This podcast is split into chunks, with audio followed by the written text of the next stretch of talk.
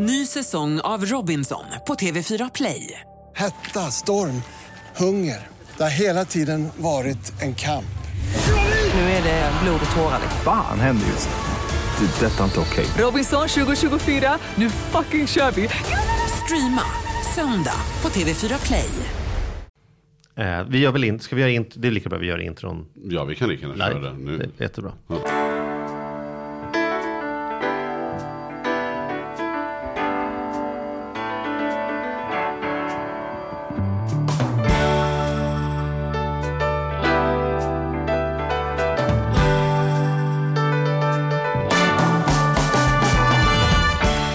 Hej och välkommen till På riktigt med Charlie och Mattias. Charlie och Mattias sponsras numera av Hem... Nej, säger vi sponsras? Nej, vi kan säga en podcast eh, om vardagsekonomi på riktigt. Ja, I samarbete med Ja. Hemverket. Ja. Då har vi tagning två då. Ja. Hej och välkomna till På riktigt med Charlie och Mattias. Charlie och Mattias är en podd om vardagsekonomi och vi gör det i samarbete med Hemverket. Så är det. Hemverket, vad är grejen med dem? Ja, men grejen med dem är ju att de dels har ett fast lågt pris. Mm. Och sen dessutom då, då så gör man visningarna själv. Tesen är att man får mer pris ifall det faktiskt är säljaren som är på plats och kan prata för varan än att en mäklare är där. Eh, Och vi har ju ett uppdrag med dem att vi nu under våren kommer att undersöka om de är något att ha eller inte. eh, För att ta, fatta beslut framåt sommaren om vi ska bli samarbetspartner och talespersoner för dem eller inte. Så det satte vi upp förra, förra veckan, var första veckan. Om ni vill kolla på hur vi kommer göra detta och vara med och bidra med idéer och tankar så kan ni gå in på hemverket.se så hittar ni filmen där. Eh, hur, hur är läget med dig en dag som denna? Ja men det är alldeles strålande. Är det så? Ja men jag tycker det. Nu är man igång igen. Det känns som att det är lite skönt. Det har varit mycket helger och mycket grejer. Eh, mycket ledigt vilket ju varit jättebra. Men nu ska vi tugga igång igen. Jag är pepp. Jag är superpepp på det faktiskt. Mattias, jag måste bara säga du har börjat med GV-glasögon. har du märkt det redan? Nu har jag sett att du sätter dina glasögon i ögonbrynen. Den ser precis, precis ovanför ögonen i ögonbrynen. Ja, och jag vill inte sätta upp dem i håret för då blir de så jävla flottiga när man tar ner Aha. dem. Så därför sitter de jävligt märkligt. Jag skulle inte visa mig så. Det är tur att vi inte gör tv. Så. Ja, ja. Du- du Men du förstår när jag säger GV, jag förstår Ja, du? jag fattar direkt. Fast jag håller ju Ja. inte på att flippra med dem upp och ner. Nej, det, det är sant. Nej. Så är det inte. Ja, vi släpper det. Men apropå lite så eh, gubbvälde då med glasögon i pannan så får vi hålla in magen idag. För idag har vi en riktig energiknippe till träningsgäst. Ja, och på, på, på våra lyssnares begäran. Det är ju många som hört av sig och sagt att ni borde verkligen träffa Lofsan. Eh, dels var det någon som skrev, ni, vi tycker om er jättemycket, men lite gubbiga, det skulle vara kul att höra er med Lofsan. Ja. Och sen känner vi att det är väl perfekt. Jag menar, hon är ju en superentreprenör, egenföretagare, så jag kan inte se att vi kunde ha en bättre gäst faktiskt. Nej, det här kommer bli jättespännande. Ska, ska vi välkomna henne in? Ja, det gör vi.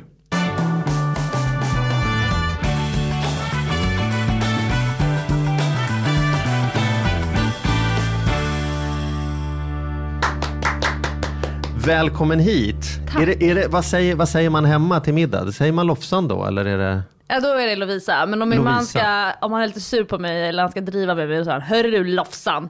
Då vet han alltså att då lystrar det direkt så då är den hårda tonen. Men, men var kommer Lofsan ifrån då? När, har, det Ehm, ligger det sen, sen när du ja var det är liten? långt, långt bak. Ja. Alltså mellanstadiet, högstadiet, Aha. Lofsan tjofsan, Lovajs kobajs, Lofsis kalofsis. Och Vad sa så, du? Lova? Lovajs kobajs, alltså Lovisa fisa.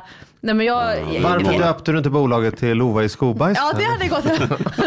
Så Patent och registreringsverket tycker att det, det går rätt barn har många Skicka in namn. tio namnförslag så får vi se vilka som funkar. så här, fakturera kommuner för föreläsningsuppdrag och så är det Lovajs Kobajs AB. Nej, det är smeknamn. Jag tror vissa barn är ju mer det är lättare att sätta smeknamn på än andra. Det beror nog mycket på hur man är som barn. Och eh, jag har alltid haft många smeknamn, både kärleksfulla och kanske lite hårdare. Vi har Lovisa, eller Lovisa kör vi då. Lovisa Ska kör vi vi. säga Lovisa? Men, men det måste man ju säga då, då, om vi ska ta detta verkligen från början. Att eh, du är ju en av de gästerna som är inbjudna här. Inte för att de här två gubbarna har suttit och tänkt till. Utan därför att våra lyssnare har verkligen så här. Vem, vem borde vi ha? Då kommer så här. Vi borde ha Lofsan. Ja, Lofsan. Bjud in Lofsan. Så då, då det, ska vi blotta strupen nu Ja, för då var det ju så här att vi fick ju det på mail. Vi satt, vi satt här och poddade och sen så får vi får jättemycket mail, vilket är superkul. Ja, det är kul. Fortsätt och då var det någon som, som skrev så här att vi, jo, men så här, ni, ni gör en fantastisk podd, vi tycker det är jätte, jättebra. Men, men ni brukar bjuda på på att ni är lite gubbiga och så får vi ett tips så tycker jag att ni ska bjuda in Lofsan. Mm. Eh, Föryngra lite. Ja, tänkte de väl. Försnygga lite. Jag vet inte vad de tänkte. Alltså Men vi har de- väl haft unga gäster. Vi har haft Clara Henry, Hampus Nessvold och liksom Ja, men det var Ja. väldigt roligt i alla fall. Och sen så kom det ytterligare ett mejl eh, Ja. en dag senare med det där. Och då så tänkte Facebook vi, också. ja just det. Ja, men nu måste du vara ärlig, gu- Ja, gubbe. Ja, och då var jag så ärlig så då tänkte jag det här måste jag ta reda på. Givetvis googlade jag och då förstod jag att ja, men det här var ju en, det här är en känd tjej. Hon är nog stor i sin målgrupp, Ja, tänkte vi. sen så gick jag hem till min fru Malin och så sa jag så här, har du hört talas om Lofsan? Då vände hon sig om och sen tittade hon på mig som om att jag var dum i hela huvudet. ja, det är väl klart jag har, sa hon. Och jag Och då- frågade Andrea och hon sa exakt samma sak. Så jag sa, vet du vem Lofsan är? Hon bara, ja, det är klart jag vet. Det är som att, det, så det, du, du uppenbarligen är du gigantisk men inte i målgruppen eh, lite småfeta gubbar, 45. Med skägg. Ja. Ja, just det. Eller eh, stämmer det ungefär? Håller du med i den analysen? jo eller? men det stämmer nog. Eh, Men det är ju ganska medvetet. Jag, det är klart att jag tycker det är kul. Nej, men om ni berättar om er träning så klart jag tycker att det är spännande och intressant och jag skulle ställa följdfrågor. Men det är inte det jag brinner allra mest för. Utan kvinnor mitt i livet, det är det som jag tycker är roligast att jobba med. Eh, Och det är där jag har Märkte du hur in betoningen mig. var kvinnor mitt i livet? Som att vi var inte mitt i livet längre. Nej, nej, det gjorde jag inte. jag kände mig lite, av, jag kände mig lite av, jag var lite avslappnad. Så det var skönt att du inte Ja. Tycker att vi är så knäppa för att vi inte visste vem du Nej, var. nej, det- det, känns, det känns mer skönt nu tycker jag. Nu, nu känner jag att vi kan. Ja.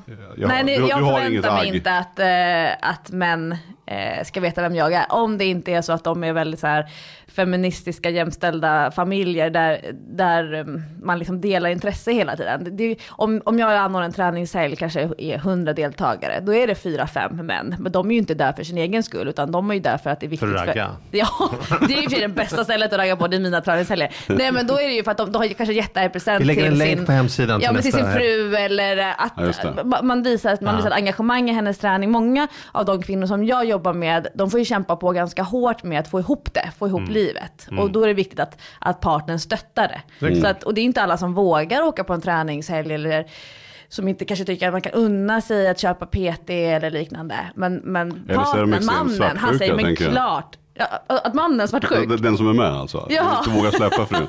Ja men det finns ju inga, det är inga andra män där. Nej, Nej, just men, kvinnor mitt i livet är ju min målgrupp och eh, Hur definierar du mitt i livet då? Vad, vad är mitt i livet för någonting? ja, 25 till 45, 50 någonstans. Eh, det är en del kvinnor som vill att jag ska börja prata mycket äldre. Eh, träning för oss som är gamla eller det här träning för oss 50 plus. Eh, men eh, än så länge så känner jag mig inte färdig med mitt i livet segmentet. Och det kommer säkert vara så när jag själv blir äldre att mitt eget intresse förändras. Men jag är 33, jag är mitt i livet. Och, och jag tycker om att jobba där jag själv är. Så, att, så, så från 25 år och kanske uppåt. Men jag, å andra sidan, jag var ju 24 när jag fick mitt första barn. Så att det är klart att det finns 20-åringar som, som också tycker att det är spännande. Kanske inte, det är inte så vanligt att man, blir, att man blir mamma innan man är 25 i Stockholm. Men ute i landet så är det ju inte alls ovanligt. Så att det, blir, det är ganska brett spann. Men mycket handlar om att man man, man är med, man är medveten, man har en aktiv livsstil, man fattar att man inte bara kan eh, gå igenom livet och vänta på att saker och ting ska hända. Utan man känner att man får ha lite kommando själv, man får styra upp sina saker, man har en vardag. Man, man eh, vill inte att saker och ting bara ska bli. Utan man har ändå någon form av styrning. Så Var det planen från början då? Ja, jag Hur tänker, hur, hur det? började det? Berätta, vad, vad sysslade du med när du var 15? Ja, men när jag var 15 så paddlade jag. Eh, Jag är kanotist i grunden, det är det som har varit min idrott. Och det som är så bra med kanot som sport, det är ju dels att man får ut det mycket, vilket ju alltid vet vi är en viktig sån här hälsoparameter. Men sen har vi ganska kort säsong i Sverige, vilket innebär att man måste träna en massa andra grejer för att fortsätta hålla kontinuitet året om. Så jag tror Kanske du gick på kanotgymnasiet i Nyköping, där jag bor. Exakt, Eller bodde. det ja. gjorde jag. Ja. Härligt. Kanske har tränat på Mattis gym också. Det vet man aldrig. Häls hälsomagasinet. Ja då. Ja, det startade Jag jag, en gång i tiden. Jaha, det hade Jag var- ingen aning Ja, om. jag var en av de första som tog steppbrädan när den kom till Sverige. Det var alltså 1991, 92 där Ja, det här var 2000 till 2003. Mm.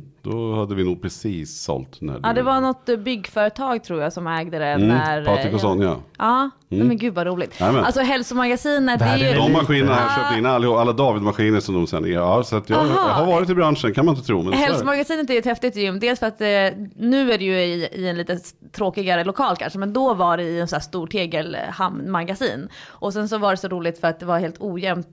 Alltså hur gammalt var det här huset? jag vet inte hur gammalt golven lutar ju om det är där du tänker Jag tänkte precis säga det, på övervåningen där var hantlarna, det var fria vikterna. Det, var, det är där karotisterna hänger för man jobbar mycket med skivstänger och hantlar. Så det var så roligt när man la ner hantlarna så bara, då rullade de över till andra sidan av, av golvet. Ja, vad roligt, Men det, men det, ska man, alltså det tycker jag är viktigt att komma ihåg. Alltså träning på 90-tal och tidigt 2000-tal. Alltså det är så ljusår ifrån vad Stockholms innerstad idag vill att träning ska vara. Alltså, Hur då menar du? Ja men dels, träning har ju blivit en upplevelseindustri idag. Det är en del av eh, att köpa service, att köpa tjänster. Det handlar inte om att man ska gå dit och svettas lite. Och, och, och jag som är fostrad i, ja men på min tid så hette det styrkegympa och det är idag crossfit. Alltså det, det är ljusår ifrån där det jag har fostrats och vuxit upp med. Och när man, när man ser på träningsindustrin idag, eh, Les Mills som jobbar med sina koncept, gym som jobbar med dofter, som jobbar med ljussättning, med eh, alltså en helt annan det här mood, mood builder, att man ska bygga humör. Det handlar inte alls om att man går in och lyfter lite vikter. Jag tänkte, undrar vad som händer med alla de människor som växer upp i att träning ska vara den här upplevelsen. Undrar om de kommer göra så motståndsrörelser som 20 år, då ska de gå tillbaka till att det är gympasal, det är svettiga medicinbollar. Ja men gud, alltså våran styrketräning, vi lyfte ju så här bänkar över huvudet i gympasalar. När vi gjorde chins, det fanns inga såna här riktiga riggar, utan man satte ju upp de här stålbommarna i gympasalen med en sån här blå klump på sidan, man skulle in med en sån här sprint. Men det var ju så extremt Duschen var inte uppfunnen på den tiden, man gnuggade sig i snö helt enkelt. Ja, men så typ så. Och... Nej men det, jag menar, har det inte, eh, det har väl redan varit lite grann sån här trend att det, rätt vad det är så ska det bli någon sån här X-training och då ska alla ut i skogen eller springa eller stå på huvudet på murar Ja. eller. ja men det blir ju artificiellt. Men tänker du att detta är bra eller då? Det låter som att du tycker att det är dåligt. Sluta med doftljus och, och uh, börja gråta lite Nej, mer. alltså jag, jag, jag tycker ju generellt sett att det är bra att träningsbranschen skärper till sig. För att fan vad dåliga vi har varit. Så tänker jag. Det är så många som vittnar om att det är träningsbranschens fel att man inte tränar. Att det är någon coach som har betett sig illa, att det är en prisfråga, att eh, lokalerna inte funkar, att det är dålig stämning. Alltså det, det, träningsbranschen har ju varit skitdålig på att motivera människor till att träna. Då pratar vi människor generellt. Men nu, har ju det, nu händer det saker och det är ljus ifrån vad det börjar. Men när, du, när jag hörde dig nyss, Ja. du lät inte så himla positiv till, till det där mood building som du Ja, kallade det nej. för. Det måste vara något tvegat här va? Ja, ja men det, det blir ju väldigt långa, det blir väldigt långt avstånd mellan vad människor behöver och tror att de tänker att de ska behöva göra för att må bra. Ehm, Jag fattar inte. ja men det här med att träna tre gånger i veckan.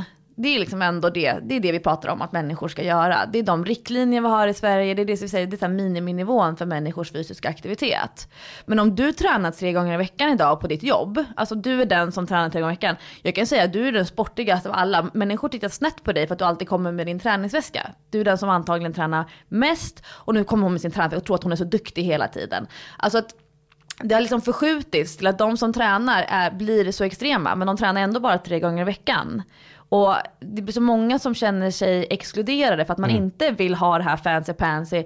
Jag kommer ihåg min historia bakåt i tiden när, när Sats började bli stort 2001 kanske, 2002, det var ju det som Sats började expandera i Stockholm. Innan hade de ju haft några anläggningar, det gamla Sats, det som idag heter Sats Sofo hette det då Sports Club. Och eh, alltså det, det var att gå, behöva gå och köpa nya träningskläder, ett träningskort kostade 550 kronor i månaden, du fick en väska om du eh, rekryterade en medlem. Alltså de här väskorna, de såldes ju på Blocket, de här satsväskorna, för att det var så här, gud, är du en sån som tränar på sats? Och nu har det här liksom blivit så hårt åt ena hållet, så det är så många som jag tror inte vill vara med, som inte vågar vara med, för att jag är inte beredd att prata om mig själv som att jag är en sån som tränar på Sats. Eller eh, nu som det trendigaste som jag älskar. Och jag tränar ju själv på Barry's. Det är ju superkul, det är ju supercoolt. Det är jätteroligt med ett gym som inte har eh, något gym. Det är bara en jättestor gruppträningssal. Eh, så att jag, vi pratar ju om en extremt liten klick svenskar som tränar. Men alla andra, de känner ju tyvärr nu att de inte får vara med. Friskis kämpar ju på jättemycket i sina gympasalar runt om i Sverige. Men jag, jag har lite problem med att visa jämställer Stockholms innerstads träningsutbud med svenska folkets träningsvanor. Men, men, men, men i, i ditt fall då, vad hände efter kanot? Um, hur Ja, länge men- höll du på med den då? Ja, men jag började jobba som kanotlärare eller kanotskolinstruktör och liknande. Då var jag bara typ 12-13 år. Och eh, fick alla de här eh, utbildningarna från kanotförbundet och från RF. Så att jag är ju uppvuxen i RFs anda, idrottsrörelsens anda. Och det var liksom din ingång. tanke. Du tänkte nog då att vi, om vi hade träffats idag att det här var en sportintervju av dig som kanotist. Eh, då Eller? gjorde jag det. På gymnasiet då hade jag någon tanke om att jag skulle till OS, att jag skulle träna på heltid och kanske plugga, och, mm, plugga så långsamt som det bara går för att få ledig och träna. Eh, men sen eh, på kanotgymnasiet, som, som många, många tonåringar som tränar mycket, kanske inte sköter sig så bra med sömn och kost och liknande så får man skador. Och det är ju elit, eller, eller alla idrottsgymnasiers stora utmaning. Nämligen att, att matcha livsstilen med träningsintensiteten. Så jag fick en skada i axeln och slutade paddla. Så sista året på kanotgymnasiet, då var jag inte jättemånga minuter i, i kanoten och hade väl ganska många andra intressen om man säger så. Men hur är det att gå på kanotgymnasiet och inte paddla kanot? Jättesvårt. Ja. Alltså jag hade byggt upp hela min identitet kring elitidrott, kring paddling, kring att vara duktig på en sport, kring att tycka, älska att tävla. Eh, Alla mina bästa kompisar fortsatte ju paddla. Eh, och, och det var ju egentligen startskottet till ganska många års eh, ja, nästan så lite psykisk ohälsa. Alltså väldigt vilsen. Vad är jag när jag inte är min sport? Och det har jag haft jättestor erfarenhet av idag när jag jobbar mycket med människor, så här kroppsidentifiering. Alltså jag ser inte ut så som jag tror att jag ser ut. Jag väger 40 kilo mer än vad jag tänker att jag gör. Hur känns det? Vad, vad, hur, när jag pratar om ett ämne, eh, vad tänker människor när de ser på mig? Får jag ens prata om träning när jag är överviktig? Får jag prata om vad som är bäst att äta? Alltså vanliga människor som pratar med mig om det. Och då tycker jag det är skönt att jag vet att det har varit hur det är att inte ha bilden av, en själv stämmer inte överens om vad andra ser. Eh, Så att, det, så att jag flyttade hem efter studenten och hamnade i Stockholm. Inga vänner, inget boende, eh, flyttade hem till mamma. Eh, söka jobb, börja plugga. Vad ska jag plugga för någonting? Eh, lä- Läste jättemycket företagsekonomi. Jag hade företagsekonomisk inriktning på gymnasiet. Så man Varför kunde ju det så välja. Nej, men jag, jag tycker det är jättespännande eh, spännande med, med ekonomi och tänkte att jag skulle bli jurist. Det var ju det här, förstå vad vilset det här är. Att ha liksom hållit på med elitidrott och tränat 20-25 timmar i veckan till att så här, men nu ska jag hamna på juristlinjen. Stockholms universitet. Alltså jag har aldrig känt mig så fel i livet. Och då såg jag ändå ut nästan en hel termin. Men jag, alltså, och det är långt för att vara jag, jag har ganska kort tålamod. Um, men men jag, jag, jag tycker att det, jag gillar ju det här ehm, ehm avtal, jag gillar pengar, jag gillar eh, samhällskunskap. Alltså, eh, alltså hur funkar saker? Det tycker jag är jättespännande. Inte hur, hur datorer funkar och, och dra ihop dem eller, eller plocka isär dem, utan mer så här, hur funkar system? För det var ju väldigt, jag bara flika in här, det var ju väldigt spännande när vi mejlade till dig så svarade ju din man att, att ett av de programmen som du tittar på på tv är Lyxfällan just. Och att du brinner för privatekonomi. Alltså, grejer. det är det ju- gissar vi varit glada Det är mitt favorit-tv-program. så jag kom in här och lite starstruck. Eh, jo men jag älskar, älskar det. Och både, ja, men det är mycket så erfarenhet. Dels så eh, är jag skilsmässobarn. Och vi var fyra syskon och när mi- och mina föräldrar skilde sig. Och från att ha haft det liksom ganska så bra ekonomiskt ställt till att okej, flytta till hyresrätt. Eh, mamma ville att alla skulle få egna rum. Och, och konsekvenser då, då att hon ska sova på soffan. Eh, att eh, man har haft någon form av eh, liksom, avtal i äktenskapet. Att ja, men nu betalar vi av studielån, det här studielån, sen betalar vi av det här, så pensionssparar vi. Att man pratar hela tiden om privatekonomi i form av att det är ett gemensamt beslut. Men sen så när skilsmässan är ett faktum, då finns det inget vi längre. Och då kommer ju alla konsekvenserna. Alltså jag har ju sett på nära håll hur, hur sårigt och jobbigt det kan vara att ha varit, att ha varit gifta. Hur Och- tror du att det har påverkat din relation till pengar? Att du fick uppleva de där. Jättemycket. Åren. Gud, alltså jag har lärt mig, ja men dels har jag lärt mig jättemycket kring ekonomisk självständighet. Om, om man är 15 och flyttar hemifrån. Och eh, eftersom mina föräldrar hade fullt sjå med sitt efter liksom de här skilsmässoåren och liknande. Så att jag upplevde att de litade jättemycket på att jag, jag säger till om jag behöver hjälp. Så jag var ju 15 år och började handla min egen mat, fick min, mina pengar insatta på kontot. Man får ju så hjälp från kommunen för att kunna bo inackorderat som det kallas för. Inackorderingsbidrag och liknande. Så, eh, planera så att pengarna ska räcka till tågresor hem och liknande. Så det, då gick jag ändå i en första år på gymnasiet. Eh, Eh, men sen så, um, det är inte helt lätt att bo i Stockholm. Om jag var 19 kanske flyttade hem, flyttade hem till mamma. Och så här, okej nu ska jag jobba heltid. Eh, jag ska spara pengar. Var bor man? Alltså när man är 20 år i Stockholm, man har, det här är min stad. Jag har ju, det finns ingen boendemöjlighet för mig. Börja kolla på, på lägenhet. Jaha, men om man börjar plugga, då kan man få en lägenhet. Jaha, då blev, så här, blev det en motivation till att, okej vilka kurser kan jag söka eller vilka program. Så att jag bodde, Eh, jag, bott, jag har ju bott, precis som många Stockholm, jag har bott överallt. I alla sorters boenden. Hemma hos pojkvänner, pojkvänners mammor och studentlägenheter. Och sen har jag haft förstahandskontrakt också. Men, men eh, jag, jag tror att när det gäller privatekonomi och eh, då, då tänker jag att det är, det är inte helt olikt från träning. Det, är inte, det handlar om motivation, det handlar om uthållighet, det handlar om att man ser att det är det lilla som ger det stora. Och det, det har jag lärt mig den hårda vägen, för elitidrott är inte det lilla som ger det stora, utan elitidrott är mycket nästan hela tiden. Och eh, när det gäller att då att styra om det till att nu ska jag träna för livet, eller nu ska jag träna för att kanske kunna jobba i den här branschen, till att också då, okej, ta ansvar för min ekonomi, växa upp, leva i, i Stockholm, ja men så här, börja spara 200 kronor i månaden, du vet de här små, små sakerna som eh, min mamma har varit jättenoga med att Lovisa, 200 kronor, du, du avstår, du sätter inte, du får aldrig vara noll på kontot. Och um, det har gjort jättestor skillnad för mitt, eh, min uthållighet idag. Så här, Det lilla, det lilla, det lilla. Och nu, nu är jag ju, ja, jag har haft eget företag i, vad blir det, fem år snart tror jag, sex år kanske. Jag har lite dålig tidsuppfattning. Men det som, om man tittar bakåt i tiden, jag hade inte en tanke om att jag skulle vara här där jag är idag, då. Men det är det lilla hela tiden som har lett Det lilla till som har gjort det. Men hur bör, vad var det du började med? Började du som PT själv? Eh, Nej. Eller Du hur kommer det sig?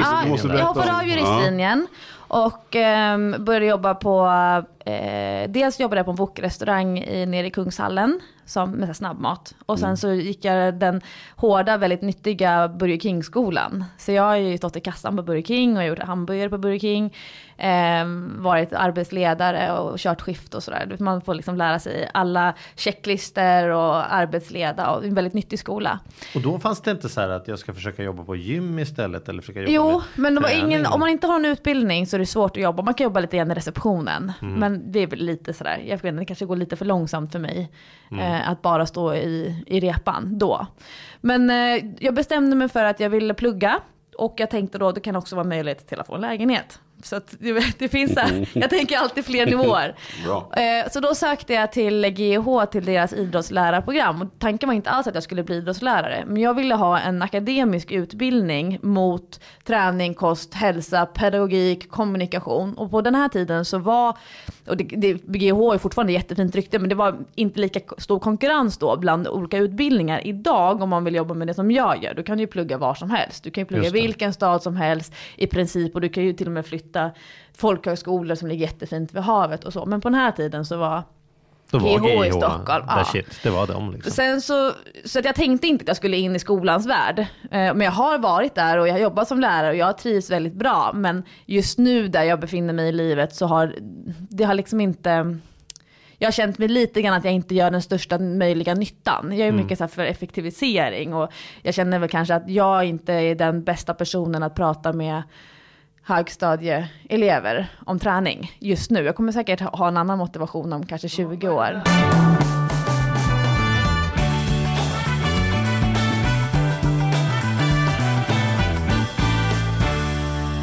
Vi tittar på PT-ekonomi, för det är just när många har det på sin lista, så åh jag skulle vilja jobba som PT. Eh, alltså- Drömyrke. Ja men det, det är en, den finns nog där på listan i alla fall. För, Mm. För jag. många. Eh, är, är, det liksom, hur, är det lönsamt? Är det många som på riktigt lever gott på det där? Man ser de här som mer eller mindre blir stjärnor då, då som är så här, åh jag tränar tränar liksom de här proffsdansarna och, och liksom, eh, ja men, men sen så måste det ju, det, det är väl ett fåtal då kan jag tänka mig. Sen låter det som om det är fruktansvärt slitigt för, för det stora antalet. Vad är din bild av? Jag tror, tror mycket handlar om vad man har, kommer in med för förväntningar på branschen. Jag tänker, vad tänker du som, som har byggt och drivit gym? Ni Den där? ekonomiska incitamenten. Nej men det som slog mig där var ju att där måste man ju, alltså utifrån, ett företagsekonomiskt perspektiv så var det ju jättesvårt. Det var det första bolaget och verksamhet som jag startade. Och då var man ju också tvungen att köpa på sig väldigt mycket träningsutrustning och grejer och så här, som var väldigt dyrt. Eh, och det gjorde att jag lärde mig skillnaden på en balans och resultaträkning till exempel. Att, att det vill säga att nu ska jag köpa en grej som ska hålla under väldigt många år. En, jag, nej, vi har en, en uppvärmningsmaskin för lite, ett gåband för lite, vi måste köpa en till. Och så köpte man den från kassapengarna så att säga. Och då var det ju inte mycket kvar till lön. Utan de pengarna skulle man ju ha lånat och sen så skulle man ju skriva av dem. Det vill säga att man skulle kunna använda, maskinen funkar ju under lång tid. Så att jag tyckte jag var nästan chockad över, för vi hade ju fullt på gymmet men det fanns inga pengar i kassan i alla fall. Eh, för då hade de ju köpt sitt årskort, sen skulle man ju ha dem där ett år. Eh, och då var det ju liksom inte tänkbart att man anlitade PTs löpande. Utan det var ju, det var ju instruktörer som, man, eh, som Ja. man tog löpande. Och då var det ju bara, den enda modellen var ju att de fick betalt per pass. Så att säga. För det här har ju, har ju eh, högaktualiserats det senaste året för att Unionen har engagerat sig ganska mycket i, i PTs och i receptionister på gym och gruppträningsinstruktörers arbetsmiljö eller arbetssituation och så. Och det är det här som är så intressant då när en gymägare säger ja men jag måste köpa in grejer. Och eh, kanske som jag jag tycker då att man ska som gymägare se PT som en merförsäljningsmöjlighet. Alltså att det blir några kronor över för varje genomförd PT-timme. Medan PT-erna Alltså om vem som helst kan söka in till en PT-utbildning, alla blir antagna. Och sen så är det i princip omöjligt att inte bli godkänd på en PT-licens. För att det är ju ändå, för det första är det inte jättesvårt, men för det andra finns det ju också ett incitament för PT-utbildningsföretaget att alla blir godkända. Så att det, man, man, så att det inte blir så att det blir så Det är lite svåra Exakt. Och sen då, det som händer, eftersom en, en PT inte kostar någonting förrän den har sålt, så kan ju vem som helst också få jobb. Så det finns ju inte det här naturliga eh, bortfallet på vägen. Vilket innebär att det finns jättemånga PTs på gymmen som inte kostar någonting om de inte jobbar. Men de kommer med väldigt stort självförtroende. Alltså, trän, alltså PT-utbildningsföretagen har jobbat jättemycket med att berätta ni är viktiga för folkhälsan, ni är viktiga för gymmen, ni, gör, ni kan förändra människors liv. Alltså de, de kommer in med väldigt eh, så stor kostym och de känner så här, åh, jag är Superman. Men gymmen, gymägarna eller företagen som äger gymmen, de ser inte alls på PTs på samma sätt. Framförallt för att det kommer nya PTs hela tiden. Och då det- blir det ju så, så stor, det blir så motsatt liksom, effekt då. Att man, PTerna tycker att jag är bäst i världen, nu ska, nu, ska vi, nu ska vi vända siffrorna.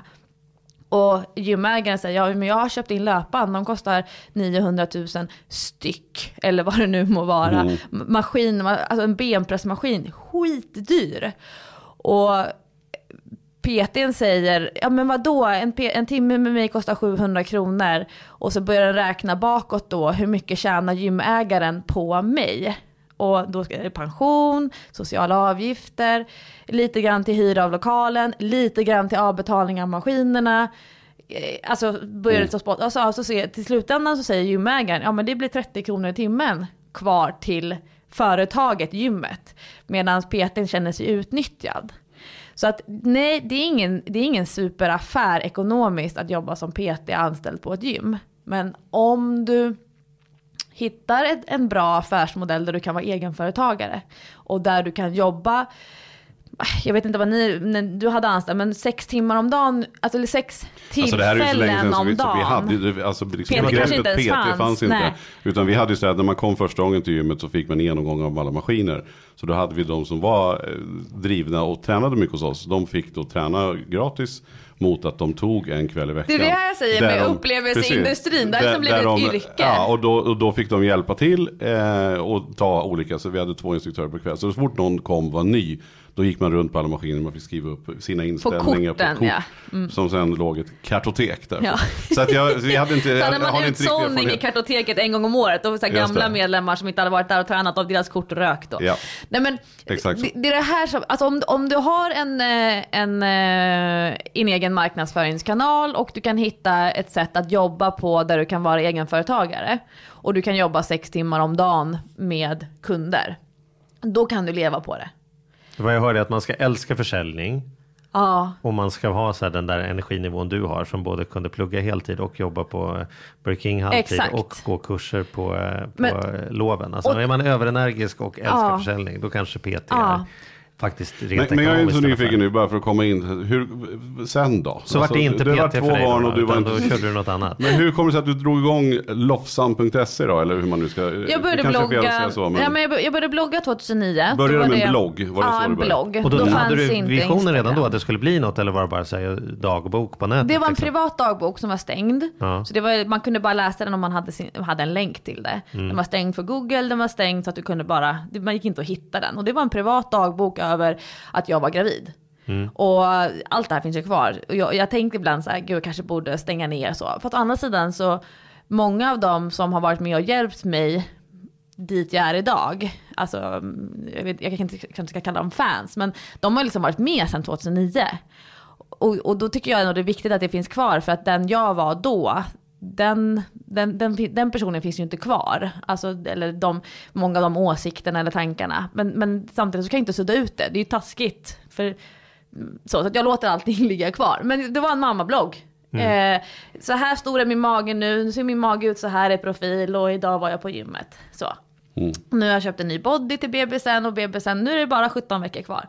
Alltså du förstår, det var väldigt både privat och personligt. Det var liksom helt utan gränser så. Men, men eh, det här var ju så nytt. Då, jag läste ju några bloggar själv och tänkte gud det låter spännande.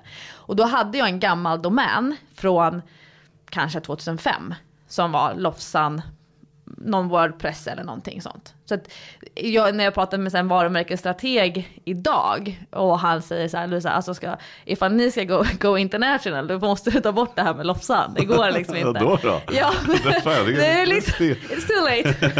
eh, så att, men sen så eh, började den där bloggen sprida sig och sen föddes bebisen och sen fick jag magrutor. Det var ju det här som var den stora grejen 2009. Att mina magrutor liksom växte fram när bebisen bara var några veckor gammal. Och då blev det så här word to word, eller vad heter det? Mouth to Ja, mouth, mouth to word mouth, to word. Alltså att det spred sig att eh, kolla den här bloggen och så. Och sen så kom det en till bebis. Eh, och, Och så kom det nya magrutor. och så kom det nya magrutor och eh, så. så är ju- Sexpacket blev ett tolvpack. Blev ett... Ja, exakt. 24, 36.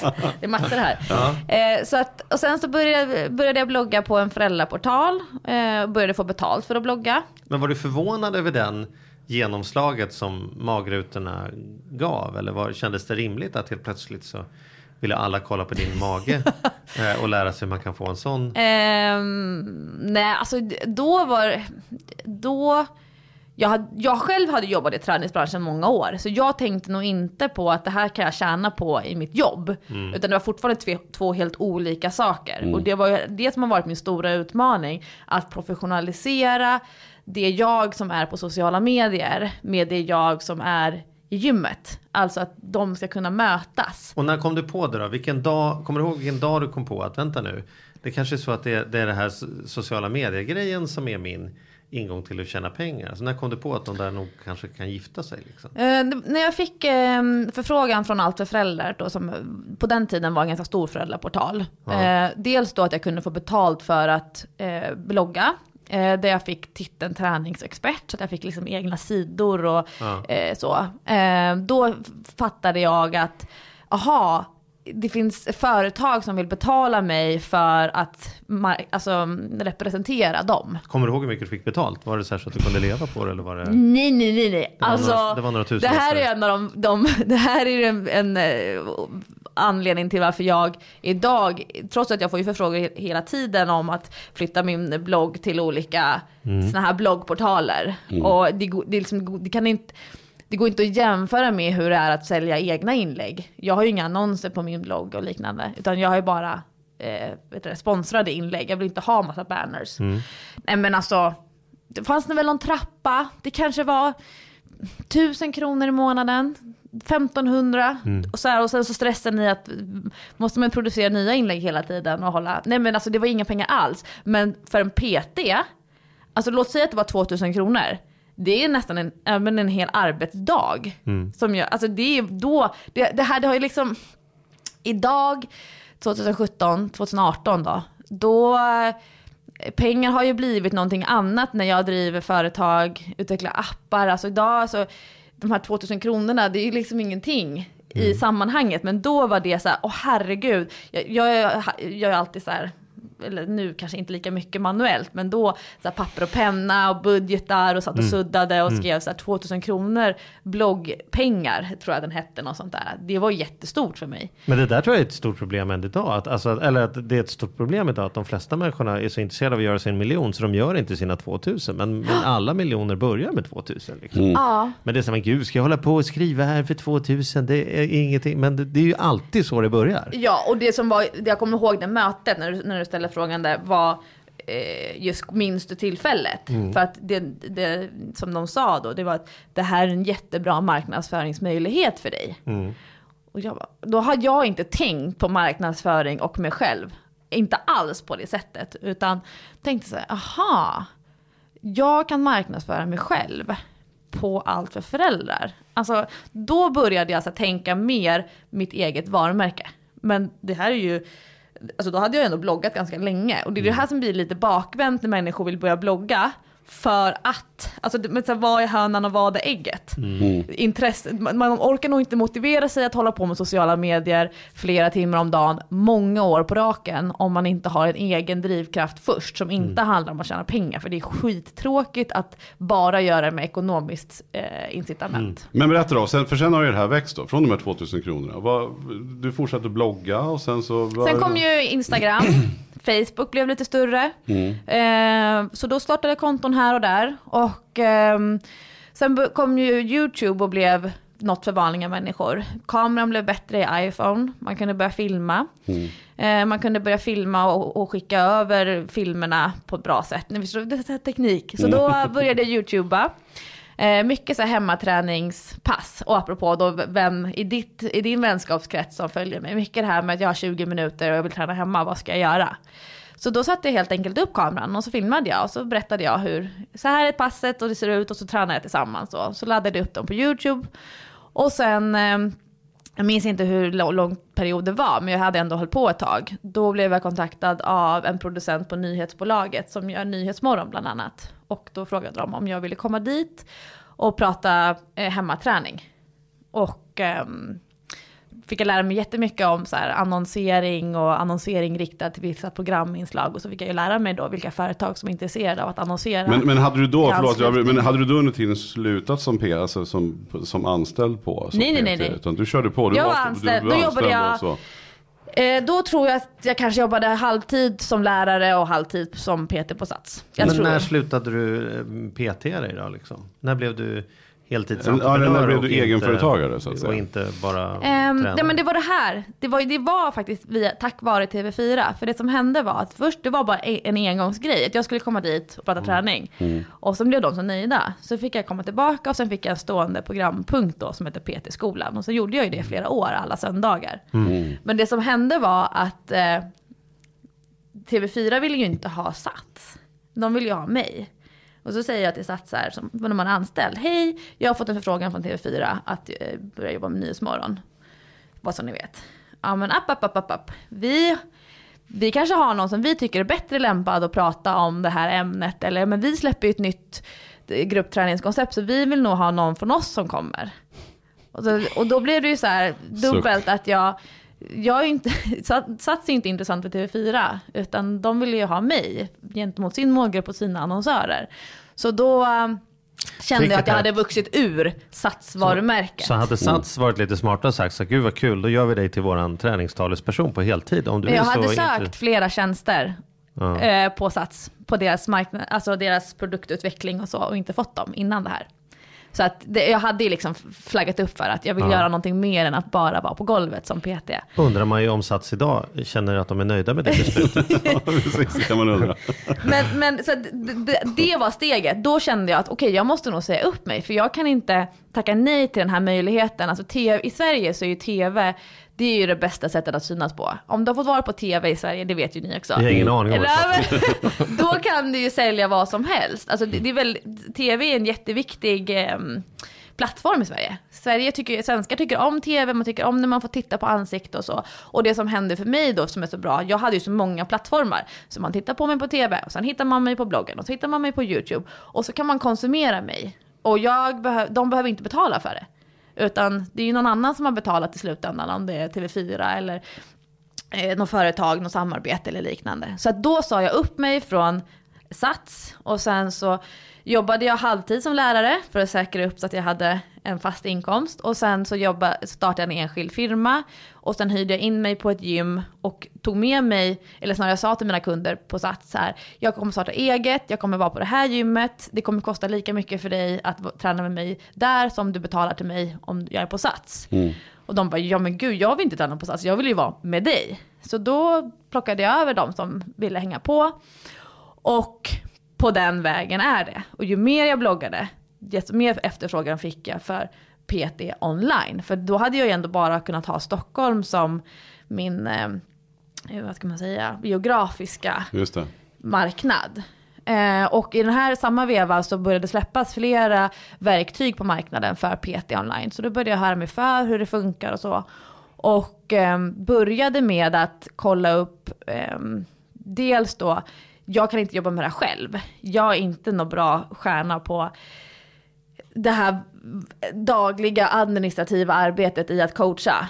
Eh, jag måste ha in en, till att börja med, det var alla först med en dietist. Jag måste ha en ätstörningsexpert som är dietist, som är jätteduktig på kost. För, jag, för att online coachning attraherar väldigt många människor som inte vill träffa andra människor, träffa coachen. Varför vill du inte träffa coachen? Kanske för att du mår dåligt, du eh, kanske inte kan sitta i möten, du kanske ljuger mycket. Och då måste det finnas någon som är riktigt vass på att se det så att vi kan skicka de personerna till vården så att de inte hamnar i online coachning.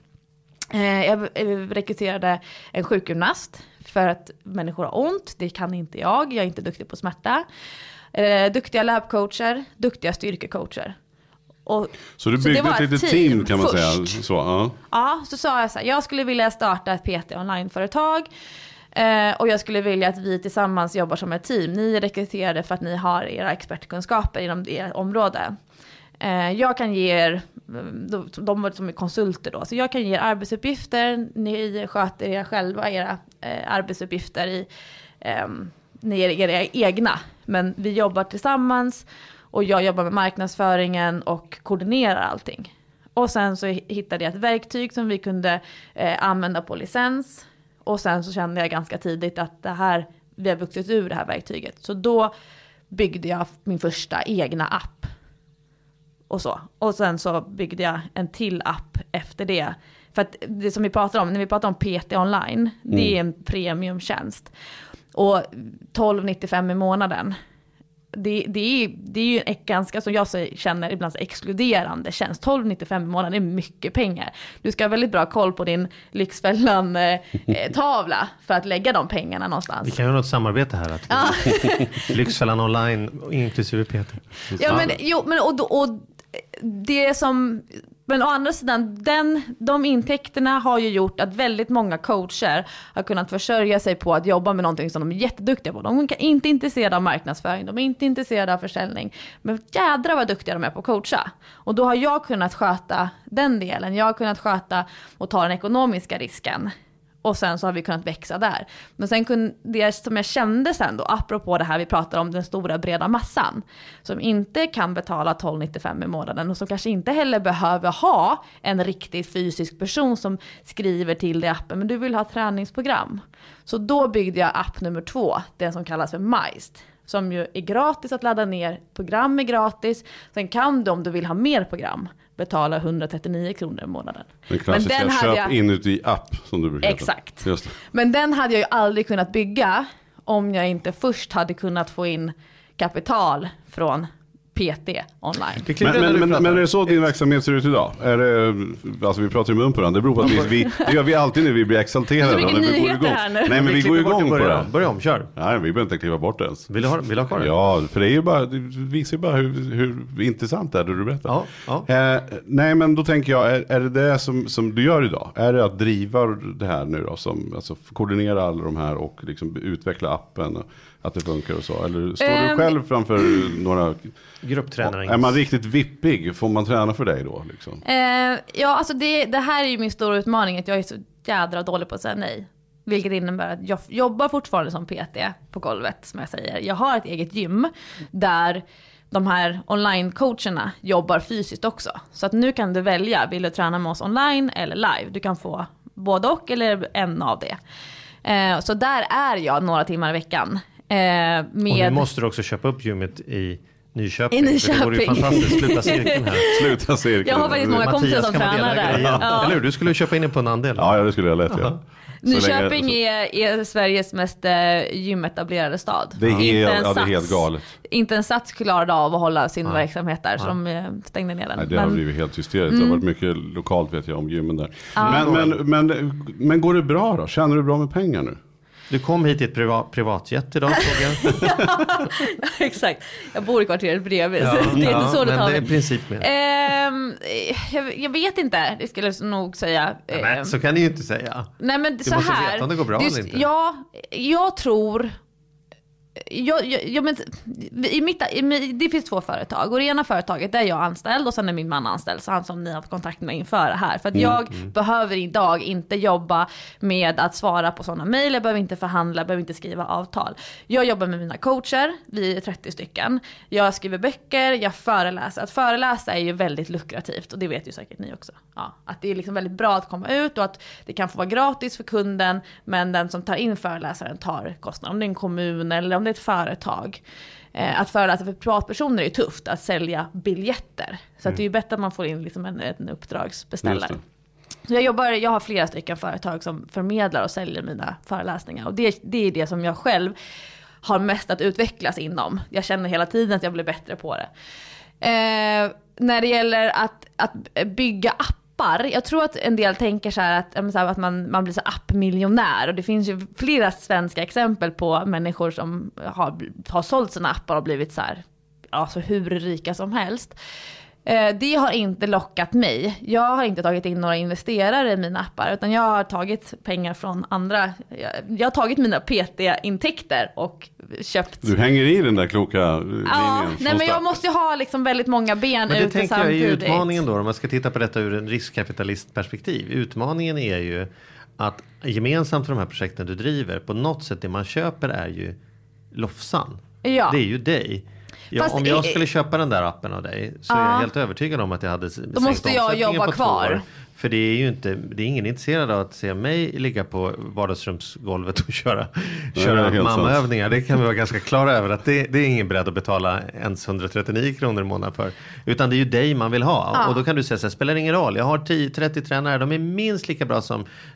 Och det här känner ju du och jag igen Mattias. Andra, så här, vi- jag vill att du kommer. Ja, men jag kan inte komma. Men du kan få min coach som tränar mig. Spelar ingen roll. Det är jag, du som har varit i tv. Det är dig, man vill, det, det är dig vi vill ha. Men, men den, Och då är det ju sista att bygga värde, liksom. Ja, nej, men den senaste appen, den Majst, den har ingenting med mig att göra. Den är, är den första gången som vi faktiskt lämnar mitt varumärke. Och det var medveten strategi. Ja, Ja. och det dels för att eh, kunna öka eh, omsättningen på den, helt enkelt att kunna ta in andra profiler. För att i Lofsangruppen går det inte att ta in andra starka varumärken. Det blir, det blir konstigt. Hur, hur stort är Lofsangruppen? Du har ju liksom haft årsskifte precis här. Och, och hur mycket omsatte ni 2017? Eh, det här är ju offentliga siffror. Kanske Ja. eh, tre och en halv, Ja. fyra miljoner. ja. Vad kul. Mm, så det är det, ja, och det är ju det ett av företagen. Ja. Ja, det är det lilla Det företaget. var det lilla företaget. Ja. Ja. Totalt då? Eh, kanske 10 miljoner. Hur känns det då? Från att ha jobbat Burger King halvtid. Från 2000 kronor i månaden i blogglön. Och 2000. Ja men du hade ju det som extraknäck och sen så jobbar du på Burger King och sen så jobbar du som idrottslärare. Och Mm. kämpa, kämpa. Hur känns det att sitta där? Hinner du reflektera någonting på hur bra det har gått? Nej, nej, det gör jag inte. Eh, Jag är så här jättelutherian, alltså jag har så piskan på ryggen hela tiden. Jag jobbar alla kvällar, jobbar alla helger. Och även om jag skulle ta sig ledigt en förmiddag så känner jag så här lite inre, så här, gud jag borde jobba, alla andra jobbar. Vad hade jag kunnat göra av de här timmarna? Så att det jobbar jätte, alltså jag kämpar jättemycket. Sen är det skönt, jag, i julklapp till barnen kunde jag köpa eh, Nintendo Switch. Och vi kunde åka utomlands. Så. Och det kan jag njuta av. Det är en jättehäftig känsla att, att inte behöva känna att det, det är knapert. För jag, jag har en bild av mig själv av att, ha, att det är inte alls att det löser sig. Utan här får man se till att det löser sig. Och att det liksom är på marginaler men ändå liksom hela tiden kontrollerat. Det är så jag har liksom identifierat mig själv med privatekonomi under min uppväxt. Och mitt som unga vuxna liv. Om så att jag bara- är inte någon så här, jag går, in, jag går inte och köper ingen lyxkonsumtion i form av så här väskor, jackor, ingenting. Jag kan inte undan med det. Jag är, jag, men jag tänker pension alltså. Jag är, ligger väldigt långt fram. Ja, klok. Klok Jag tänk- ja, men jag men, också- ja, men nu måste jag Nu fråga en måste- sak. nu måste väl jag få. Ja, ja, men kan jag få en fråga till? Ja, ska jag gå hem? Ja, men klockan går ju här också. Nej då, men, men eh, om fem år, vad, vad, vad tror du? Vad, vad, är, vad har du för mål? Eller vad är visionen? Vad tror du, hur ser det ut om fem år? Vad gör du då? Men jag skulle ju vilja jobba mer utomlands. Eh, och in, det behöver inte vara så att det är jag som ska vara den som är utomlands. Utan jag skulle jättegärna vilja hjälpa någon som är som jag, fast i sitt land. Alltså om man tittar på eh, Balt, Balt, baltiska länderna, öststaterna, finns ju jätte, alltså det är en, en helt ny typ av marknad. En, en ny rik medelklass som jättegärna vill vara som skan, skandinavierna. Alltså att eh, lägga pengar på träning, lägga pengar på sin hälsa. Och risken finns ju att det blir som i Sverige, att det kommer in massa så kosttillskottsföretag som skulle ha alla vitaminprodukter och att man vill liksom eh, lura människor till att de kan köpa tabletter för att må bättre. Men jag skulle vilja att det istället kommer någon träningsprofil som kan göra den resan som jag har gjort, fast i sitt land. Och att jag kan få coacha liksom den personen. Det skulle jag jättegärna vilja göra. Och om fem år, då är mina barn 12 och 13. Så då är vi, de är ju lite mer självständiga än så länge. De går i lågstadiet nu. De är ju liksom ganska så eh, små.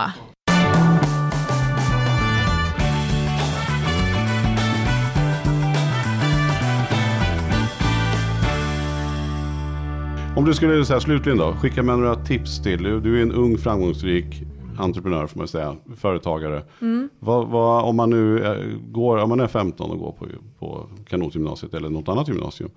Vad, Mm. vad skulle, och vill bli Eller egen. för all del 35 och lärare. Ja, precis. Eller 50 år. Men, så här, men oavsett då, vad är, vad är dina tips? Om du skulle, Mm. vi tänker lite kvällstidning här då, liksom, tre snabba. Ja, men jag tror att det är jätteviktigt att ha flera, flera korgar, att man sprider ut sina risker. Alltså, företagen blir mycket roligare om man eh, inte är, eh, behöver känna sig rädd och osäker. Så att det här med att, att kombinera en anställning med ett eget företag, det tror jag är jättebra. Jag tror det är jättesmart att jobba deltid och att eh, börja liksom konsulta eller någonting med sin eget. Man, en del tror ju att man måste släppa helt. Nu, nu hoppar jag. Jag har aldrig känt att jag har hoppat. Alltså jag har alltid stått jättestadigt. Eh, tips nummer två som jag tror är jätteviktigt om man tänker sig egenföretagande eller att jobba i träningsbranschen. Många blandar ihop att ha eget företag med att vara ensam. Jag, är- jag är min egen. Men jag har aldrig varit ensam i mitt företag. Jag har alltid haft minst tre, fyra personer som har varit väldigt nära mig i mitt företagande. Antingen i roll av att de har varit egenföretagare själva, vi har samarbetat, eller att det har varit personer anställda i olika typer av företag som har haft på sitt bord att hjälpa mig och liknande. Så att, att vara egen är inte att vara ensam. Och det tror jag många blandar ihop så här, nu ska jag vara själv. Alltså det, det är skitjobbigt. Eh, nummer tre som jag tror är jätteviktigt, det är att man ska man inte ska hålla på och utvärdera hela tiden. Eh, jag möter många som vill ha mig som mentor. Alltså nu, nu vill jag satsa på träningsbranschen och du har gjort en resa, kan inte du hjälpa mig? Och så kan vi liksom träffas eller ha en mailkontakt och liknande. Och jag upplever att de, har, liksom att de sitter och utvärderar varje dag. Vad som, alltså har, Om det går bra eller dåligt. Och det blir så högt och lågt då. För vissa dagar går det bra och vissa dagar går det dåligt. Och vissa dagar är helt utan värdering. Men om man sitter hela dagarna och bara tänker liksom att man duger, att man inte duger, att man säljer för mycket eller säljer för lite, ja men så, då, då blir företagandet väldigt jobbigt. Så jag tror mer på att som i mitt fall, kanske en gång i veckan eller periodvis en gång i månaden. Då kan man börja titta, ja men hur, okej, okay, omsättningen var ett visst antal pengar, men vad var arbetsbördan då? Ibland så kan jag ju tänka när träningsbranschen som en extremt ojämn bransch. Alltså vissa månader är så mycket pengar, apropå balansräkning och liknande. Det är så mycket pengar så jag tänker så här, herregud. Vissa månader är noll. För att det är så träningsåret ser ut. Och då måste man ju också tänka att arbetsbelastningen måste liksom matcha. Det går inte att hela tiden tänka att man eh, alltid ska vara 100%, alltid ska vara duktig, alltid ska leverera. För att så ser inte ett år ut. Och det är många branscher som är ojämna. Och då måste man liksom lära sig att slappna av i det. Så att utvärdera mer sällan tror jag är jätteviktigt. Wow, Toppen! Häftigt. Jag måste säga när jag lyssnar på dig eh, Lovisa, så jag, jag, jag, är så trött på alla dessa idrottsmän som ska bli entreprenörer och som ska bli chefer och jag hävdar bara för att man var bra på slalom så ska man tydligen vara bra på att designa mm. grejer. Alltså, här, jag har aldrig riktigt förstått den kopplingen för varje idrottsperson alltid ska kunna hålla motivationsföreläsningar. Men, men, men man ser ju verkligen, jag måste verkligen säga det, man ser ju den här kanotisten hela tiden. Det är de här gunsen här. Ja, jo, men alltså, som mentalt bara paddlar på, paddlar på på, paddlar på, paddlar ja. på. Eh, eh, och det tycker jag man hör nästan när du pratar.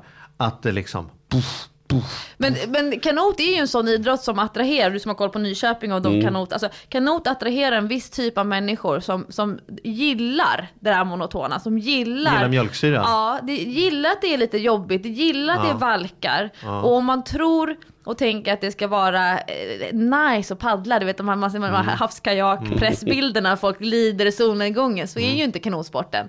Men det är ju världens bästa skola att gå i för livet. Ja, jag ska alltså rekrytera det... fler kanotister. Ja, gud ja. ja. Ja, men det är absolut. Ja, men du, Otroligt spännande. Mycket. Ja, tack så jättemycket för att du kom. Otroligt inspirerande. Eh, och all lycka framöver. Tack för att jag fick komma.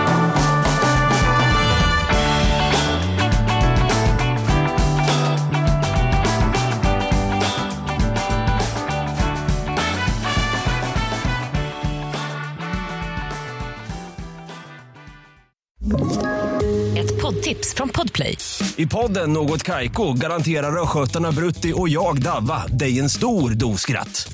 Där följer jag pladask för köttätandet igen. Man är lite som en jävla vampyr. Man har fått lite blodsmak och då måste man ha mer.